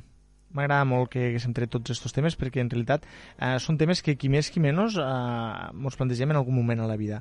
Eh, per cert, en, en algun moment a la vida, la nostra vida de consumidors eh, de cinema mm, black, blockbuster, no?, també, que i a més Mainstream, pel·lícules... mainstream. Sí, a més a més en una època que, que, que cada pel·lícula, cada gran superproducció arrossegava un munt de gent als cines que estaven flipant de veure justament això, no? com havien recuperat els dinosaures i, i que, mal, que malament ho havien fet. O sigui, que bé, però que malament. Perquè... Bueno, a mi, jo, quan vaig anar al cine, a mi, jo vaig sortir flipant. Hmm. Jo no sé quants anys tenia, has dit que és del 93? Sí. Pues 7 anys. Jo vaig sortir flipant. A mi em va encantar. I, de fet, avui en dia, quan la tornen a retransmitir, la torno a mirar, perquè té, per a mi té un encant... a mi m'agrada, Jurassic Park. Pot ser que t'hagi influït a l'hora de triar també la tua vocació de feina? No, no crec que la pel·lícula m'hagi m'hagi influït, però sí que en, en, en el temps m'ha servit la meva professió per a que la pel·lícula em decepcioni més. Perquè quan és minut tu creus tot i després dius, no, tio, aquí això... Però bueno, al final te deixes portar com tot. Hi ha una cosa que m'agradaria comentar, i per tancar el tema de Jurassic Park, per tancar el parc, eh, que és que realment quant de temps dura, viu l'ADN, viu aprofitable? Bueno, hi ha com una data així... 500 anys. Amb molta sort podríem reconstruir la- l'ADN de Cristóbal Colón, amb molta sort. Sí. molta Però més sort. enllà, Més enllà ja no. Més enllà ja no. De fet, quan intenten establir jerarquies de mòmies i coses d'estes, perquè tot qui era fill, qui era germà, d'on venia això, els hi costa moltíssim. clar, L'ADN, un dels llocs on van a trobar-lo és al moll de l'os, perquè allí és on hi ha les cèl·lules mare i tot això, i és un... normalment allí, perquè tot, tota la resta de teixits de... Bueno, la sang desapareix, eh, Mm. se, se desfà, està com més expost, i dins del moll de l'os queda com una mica més protegit, però els hi costa barbaritats. Tot el que saben sobre jerarquies de faraons i això és per, perquè han desxifrat textos i jeroglífics Mhm. i coses així, però no pel DNA.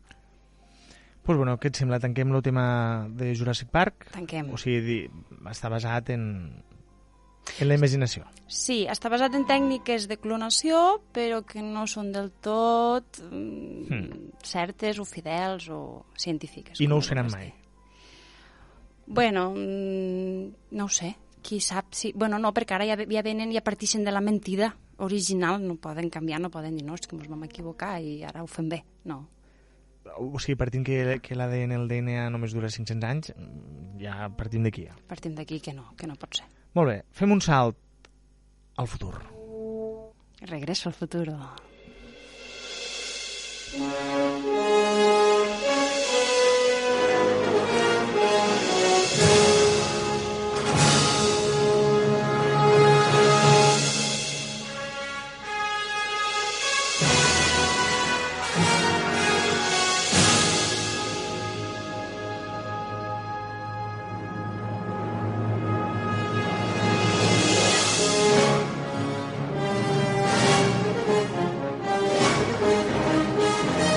Jo crec que poques bandes sonores no fetes per John Williams tenen la força que té esta banda sonora.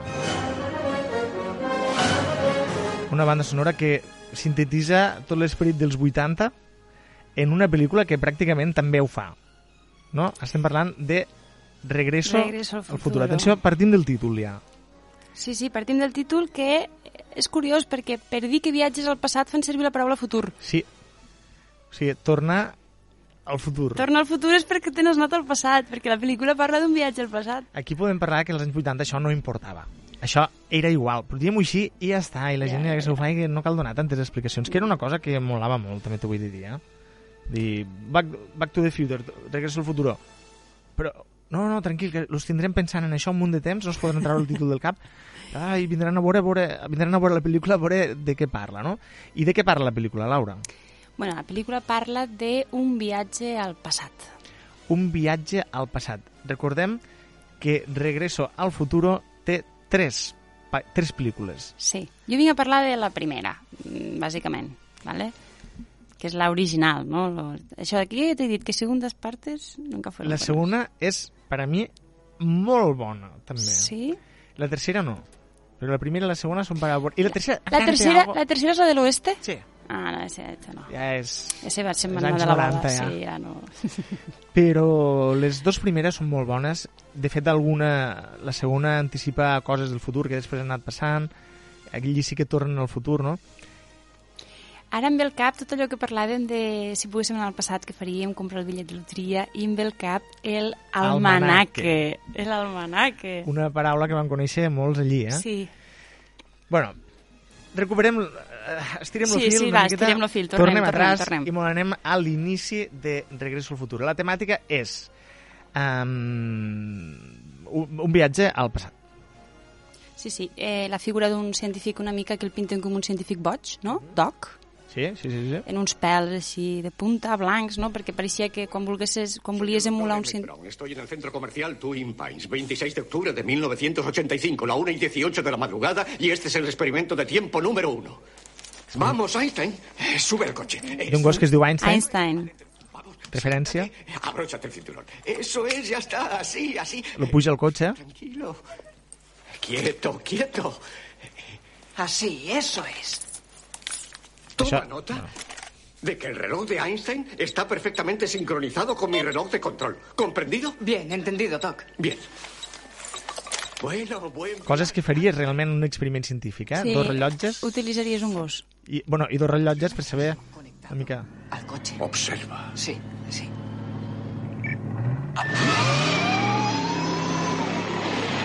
I dispara el cotxe a 140 milles per hora, Si mis cálculos son correctos, cuando esa belleza llegue a 140 kilómetros por hora, vas a ver algo acojonante.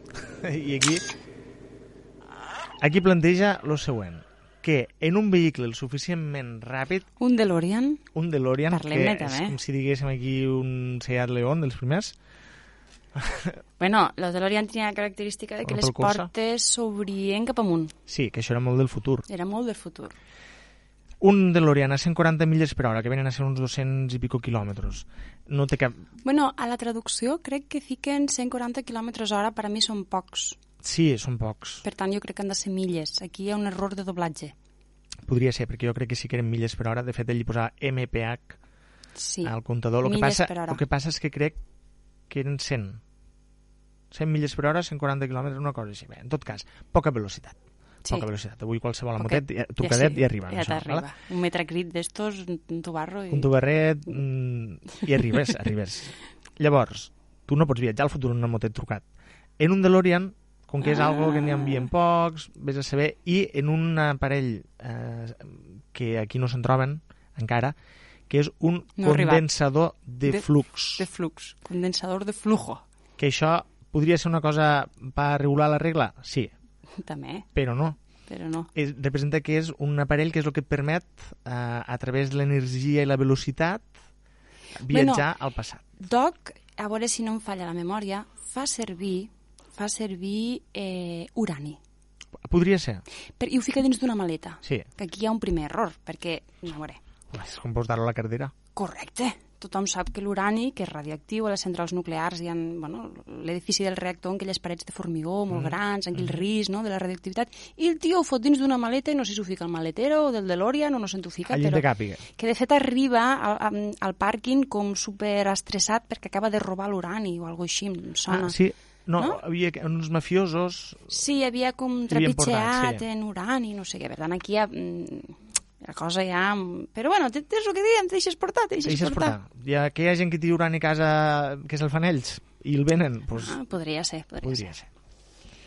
Pues bueno, eh, condensadors de flujo, urani enriquit, perquè a les centrals se fa servir urani enriquit. A més, aquí apareix aquest element, el condensador de flux, que a nivell literari és, és una cosa que pot no existir, però a nivell de discurs va molt bé. Sí, sí, Tu- queda superbé un condensador de flujo. I t'encaixa perquè és el, el que provoca tot és això. I si tu no pots viatjar al passat és perquè no tens això. Correcte. Bé, anem bé. Anem bé. A veure, mm, pues la pel·lícula és això, no? Planteja, ja tenim l'aparell, que és lo de l'Orion, en un condensador de flujo, un, una mal un maletí en energia nuclear, no? En urani enriquit, i eh, Doc i Marty, que encara no havíem dit el seu nom, Marty McFly. correcte, aconsegueixen anar al passat.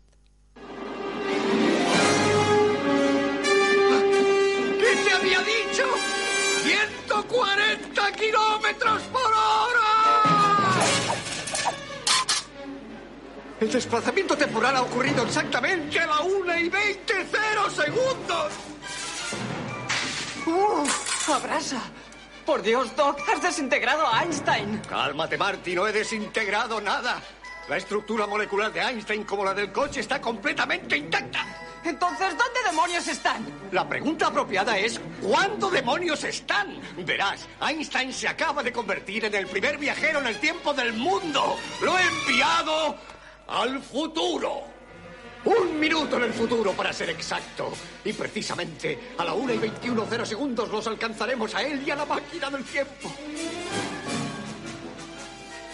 Òbviament això es basa en teories eh, de la relativitat, allò que parlàvem de l'espai i el temps, si és el mateix, si no... Correcte, correcte.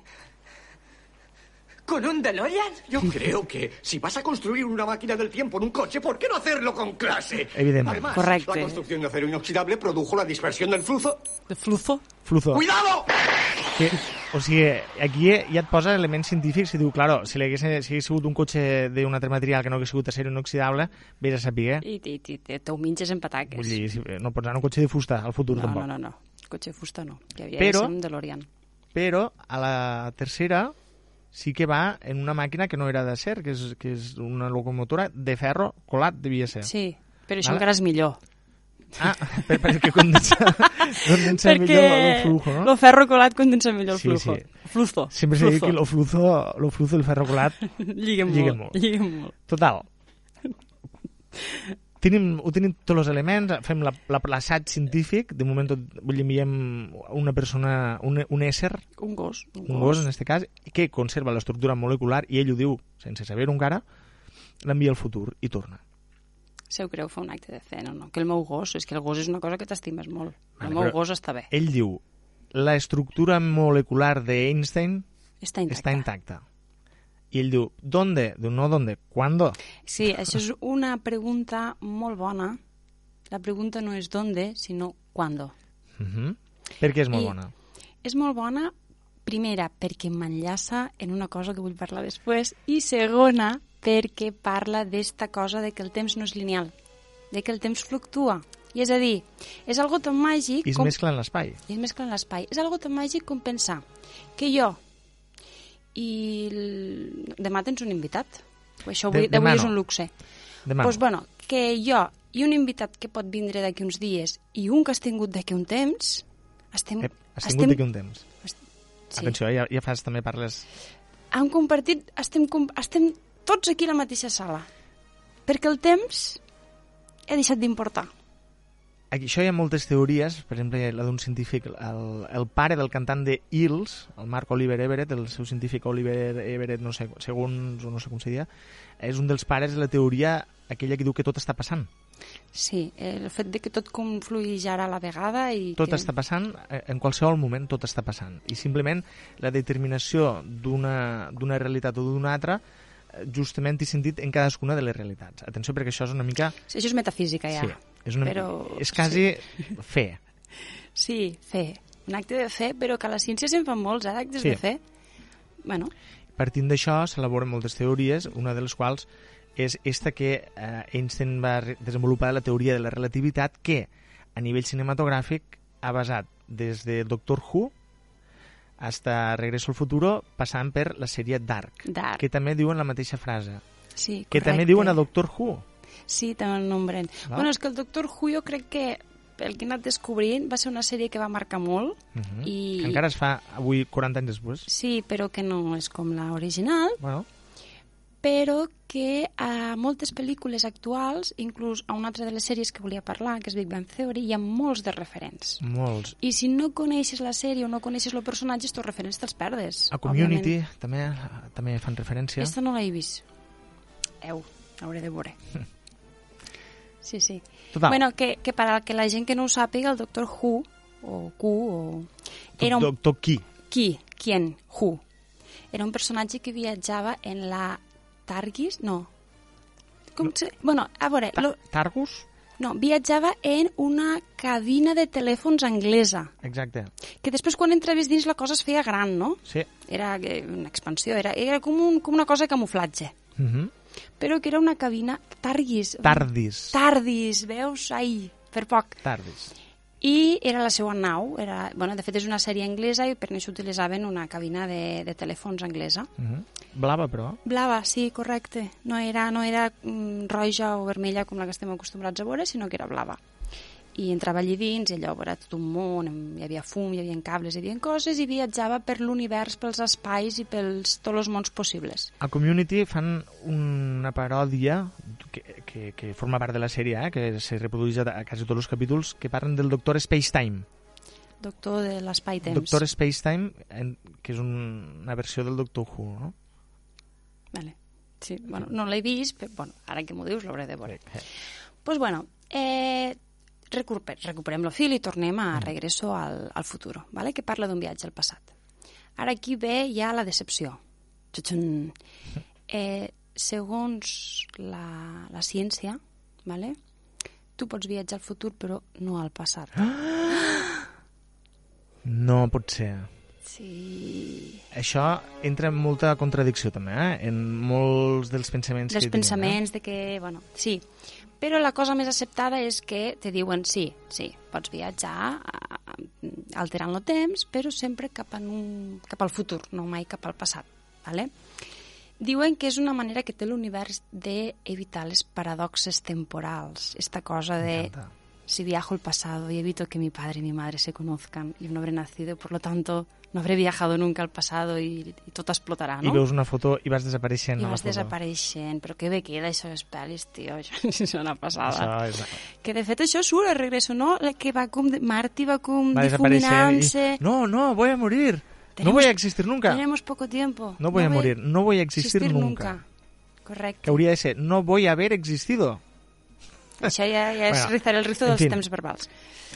Però Paradoxes, és a dir, lo futur, l'univers com a gran entitat no et permet viatjar al passat perquè te protegeix de fer-ho i, i, i canviar l'univers propi. sí, sí, és com si, bueno, fent un paral·lelisme, hi hagués un gran ésser celestial intel·ligent que Mhm. digui, no, no, no, això no ho podeu fer perquè si no és aquí la liarem parda. Perquè després jo no, jo, després jo no sé com desfer-ho, això. Després, sí, no? després jo no me hago responsable del que Mhm. puga passar. Clar, és que això són les, el que se diu paradoxes temporals, que també surt molt al cine. Sí. I quan cada vegada que surt un viatge en el temps, se l'avisa al viatger i li diu no canvies nada del passado, Sobretot. sobretot. I a vegades inclús han afegit i no te trobigues mai en tu mateix. Sí, això és el gran drama, perquè tu, eh, de fet, de Regreso al Futur ho diuen, si tu t'arribes a veure tu mateix, Desapareixeràs, no? Diu, que- el xoc pot ser tan gran i, clar, imagina que comences a pensar i dius, ah, sóc jo, però com? Vull dir, que, que te mors. I si et mors, te moriràs als dos puestos, al futur, que a la sèrie és el present, i al passat. Mos explotarà el cervell. Això és complicat. Sí, això és complicat. Això és complicat. En tot cas, si algú té previst aquestes vacances quedar-se a casa però viatjar pel temps, que ho faci perquè el futur i mai cap al passat. Perquè al passat hi ha un risc. No pots tocar res. Que la gent d'aquí baix, a l'Internet, ens agrada tocar les coses. I Al Mercadona to- tothom toca els dònuts. No pot ser a veure si són del dia, si no? són del dia. Vull dir, una, una, vale, agafem aquesta acció. Tu te'n vas al Mercadona de quan va obrir, el dia que va obrir, i toques els dònuts. Això segurament té circumstàncies... Crearíem un món on no existirien els dònuts, i això seria una putada. Bueno, Imagina't que la conseqüència... Bueno, sí. Sí, però imagina't que, pel que sigui, no? l'error s'acumula, allò del, de la teoria del caos i no sé què. Bueno, això, ara mira, m'ha vingut una altra pel·li, al, la dels Beatles, la de Eh, Esta no l'he vista. Yesterday. Però sí que una cosa que segurament hem vist tots, perquè són capítols que cada dia els posen Antena 3 i a Neox, que són Los Simpson, hi ha un capítol que Homer viatja al passat. I, i viatja moltes vegades per error. I, I cada vegada que canvia algo del passat prehistòric, per exemple, xafa un animal. Ai, bueno, suposo que no afectarà en res. I arriba, torna al, al present i, i tot és diferent, no? Sí, tot, sí, sí, perquè sí. la desaparició d'aquesta espècie Que no tenia res a veure en els seus res parents, ni... eh, provoca una sèrie d'errors encadenats exponencials, com si fos un embut, no? La xafar l'animal és la punta de l'embut estreta i tot l'altre que és el futur, no? El Canvia. futur. Bueno, això lliga molt en lo de la teoria del caos, Sí. que muda molt d'esta frase i sempre queda superbé. I ja, deixa-me-la dir. Que comença en un sí. No, sí... Bueno, que el vol d'una papallona és capaç de provocar un huracà a l'altra punta del món. Exacte. L'aleteig només d'unes simples ales acumula tants d'errors al llarg de, de, del que és la Terra Mhm. que a l'altra punta del món és capaç de crear un huracà, no? Hmm. És una mica un paral·lelisme del que passa, no? En Homer, que només xafa pues, igual una rata i quan torna Hmm. resulta que marxa casat en... Per exemple. I al final, com que ho fa 4 5 vegades i veu que cada error mínim li proporciona grans desastres a la humanitat, doncs diu, pues, ah, sí, no toca res, no toca res, i llavors s'ho carrega tot, no? Comença a matar coses i quan torna és lo gran caos, no? Tot, tot diferent. Uh, escoltem què passa quan, quan s'hi viatja al passat i canvies coses. Continuo espacio temporal ha sido alterado y el resultado es una nueva secuencia temporal que da lugar a una realidad alternativa. En cristiano, Doc. Espera, es muy fácil, te lo dibujaré.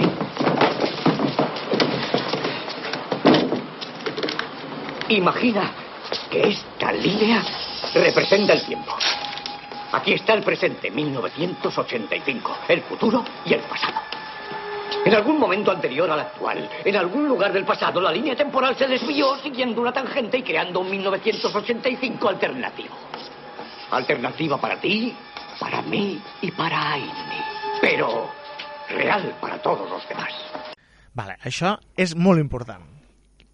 Alternativa para ti, para mí, però real para todos los demás. És alternativa per a tots aquells que han viatjat al temps, I han canviat alguna cosa. No, que han, que han viatjat Que han viatjat. i que han pogut veure el passat. Només de veure-ho ja, ja fas una línia alternativa perquè ja tens consciència d'allò. I en canvi per als altres no, és la seva realitat. Això és interessant, eh? Tenim dues línies temporals. Quan tu eh, viatges al, al passat, cosa que no es pot fer, Correcte? Però si ho féssim, lío. lío. ¿La reconoces? Es la bolsa en donde pusimos el almanaque. Sé porque el recibo estaba aún dentro. La encontré en la máquina del tiempo. Junto a él.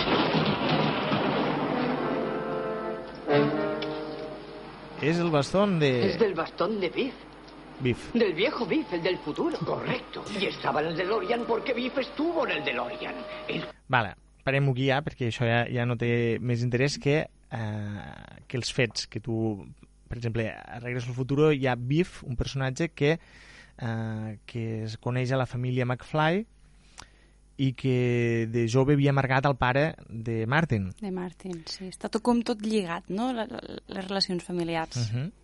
Llavors, este personatge, eh, quan viatja, veu que ells viatgen al passat, pensa que per a canviar el seu futur, mm, bueno, compra un almanaque, no?, que diu ell, de resultats esportius.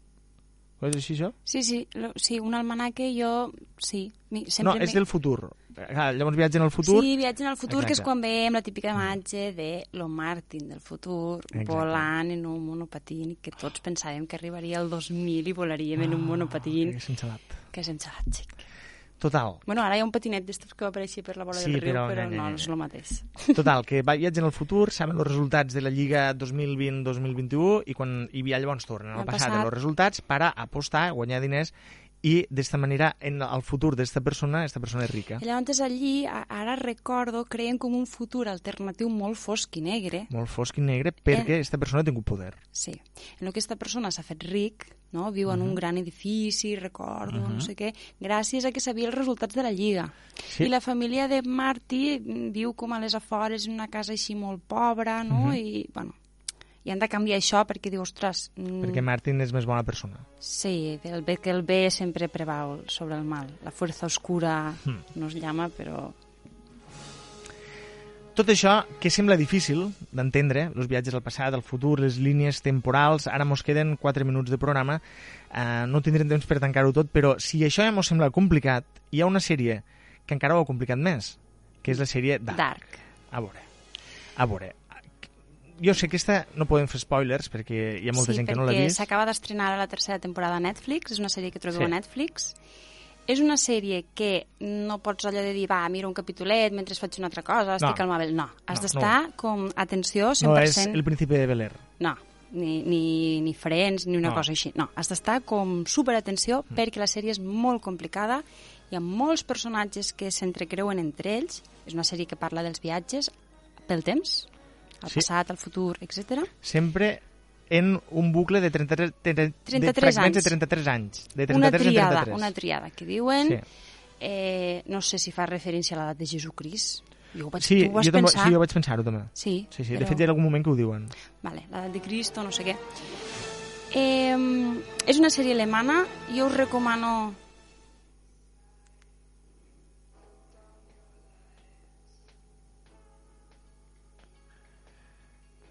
En una careta d'introducció molt explicativa de la sèrie. Sí, és que jo és el que us anava a dir, tant la banda sonora com la fotografia, perquè és, té una coloració fosca, com els personatges, que és una sèrie que em pareix brutal. Jo la vaig mirar després de mirar Stranger Things, me pensava doncs, que seria un Stranger Things 2, i, i ostres, Per, per tant, entenc que has vist la primera i la segona temporada. i la tercera? Ah, vale. Jo ja l'he acabat. Així ne podem parlar, ara quan acabarem este programa, tu i jo ne parlarem fora de micros. En tot cas, la sèrie planteja eh, lo següent. Planteja no només els viatges abans i atrás en el temps, sinó entre dimensions. Correcte. Ui, ui, ui, ui. Sí, sí, aquí ja la liem. I, a més, introdueix conceptes eh, de física avançada. Correcte. Eh, bueno, parla de... Surt, hi ha un moment... És el que diem de representar coses que no s'han vist mai. A la sèrie hi ha un moment que representen la partícula del boson de Higgs, Mm. o partícula de Déu. Que la gent se pensa que era el tal Higgs tenia una bossa molt gran, Sí. també, eh? I era el boson, No. com si portés una sonda. Parla de forats negres, passa, parla d'entrellaçament quàntic, però bueno, que no fa falta tindre coneixement de ciència per veure la sèrie, vull dir que la gent no s'assusti. eh? I a més, te, te planteja una teoria diferent de Regreso al Futuro, que diu que si canvies el passat, canviaràs el futur. Aquí Ai, te diuen, no. "Ah, potser no serà així, eh? Jo no facis il·lusions. Jo no vull dir moltes coses perquè m'agradaria molt que la gent la mirés, Mm. mm. perquè és una sèrie que a mi mm, personalment m'ha encantat. És Mm. una sèrie molt guai. T'he de dir que la primera temporada també és brutal. T'he de dir que hi haurà gent que quan acabarà la segona temporada agafarà i dirà aneu a que us mogue ta mare. Però l'heu de veure la tercera. Sí, Heu de veure la tercera perquè... és un mal que s'ha sí, de passar. per s'ha de passar. De fet, la sèrie es tanca. Això és un spoiler, però bueno, és una sèrie que es tanca. Primera, Bueno, se segona, dir. tercera temporada, se pot dir. S'ha De, és perquè la gent la vegi està a la tercera, perquè la tercera concluïx. Ho haurem de deixar aquí, ens queden menys d'un minut de programa. Si vols afegir una ultimeta cosa de Dark. Molt curteta, 10 segons. No, ara m'agafes. No, vols dir-li a la gent que la miri, eh? perquè, perquè és una sèrie que val molt la pena. Perquè ne parlarem. Ne pa- ah, bueno, sí, si em convides un altre dia, Sí, sí. te convidarem. Jo crec que jo avui m'ho he passat molt bé. Eh, ho hem deixat a Dark, els viatges en el temps, vos sou de Higgs, experiment de Ro Rodinger, el gat, si està viu, si està mort. A tu t'agraden molt els gats, sí, ja ho sé. Sí, i em va fer pensar en el meu, que, que a vegades lo veus i dius està mort, i no, està viu. Està viu. I pot ser que estigui les dues coses. Les dues també. coses. No, no farem spoilers tampoc d'aquest experiment. En tot cas, Laura Bonet, professora de Biologia, avui ens has parlat de ciència i pseudociència al cine. Ha sigut tot un plaer. Mireu Dark, que no us arrepentireu, o sí, en tot cas, eh, sabreu de què parlarem al pròxim programa. Moltes gràcies i fins la pròxima. Gràcies a tu. Adeu.